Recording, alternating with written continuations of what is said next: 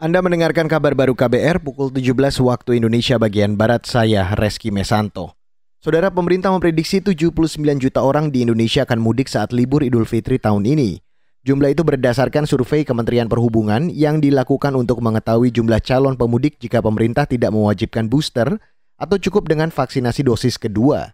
Menurut Menteri Koordinator Bidang Pembangunan Manusia dan Kebudayaan atau Menko PMK, Muhajir Effendi, ada peluang mudik mendekati 100 juta orang jika ada kemudahan lain seperti mudik bersama.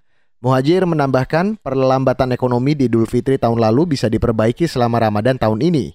Selain itu, Ramadan juga bisa menjadi momentum menekan angka kasus COVID-19 dan memacu peningkatan ekonomi di Indonesia. Beralih ke berita selanjutnya, Saudara. 6 dari 10 anggota TNI Angkatan Laut yang ditembak kelompok bersenjata dari Tentara Pembebasan Papua Barat di Kenyam, Kabupaten Duga kini dirawat di RSUD Timika, Kabupaten Mimika, Papua. Wakil juru bicara Kodam Cendrawasih, Chandra Kurniawan mengatakan, keenam prajurit yang selamat dievakuasi ke Timika pada akhir pekan lalu. Korban kekejaman KST jumlahnya ada 10 orang, di mana yang dua orang meninggal dunia, kemudian enam orang dirawat di RSUD Timika dalam kondisi saat ini membaik dan dua orang lagi berada di pos potis di Kenyam di Kabupaten Duga.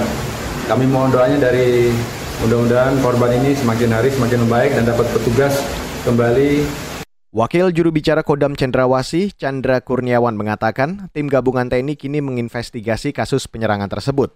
Sabtu pekan lalu, TPNPB pimpinan Egyanus Kogeya menyerang pos Satgas Mupe Yonif Marinir di distrik Kenyam, Kabupaten Duga.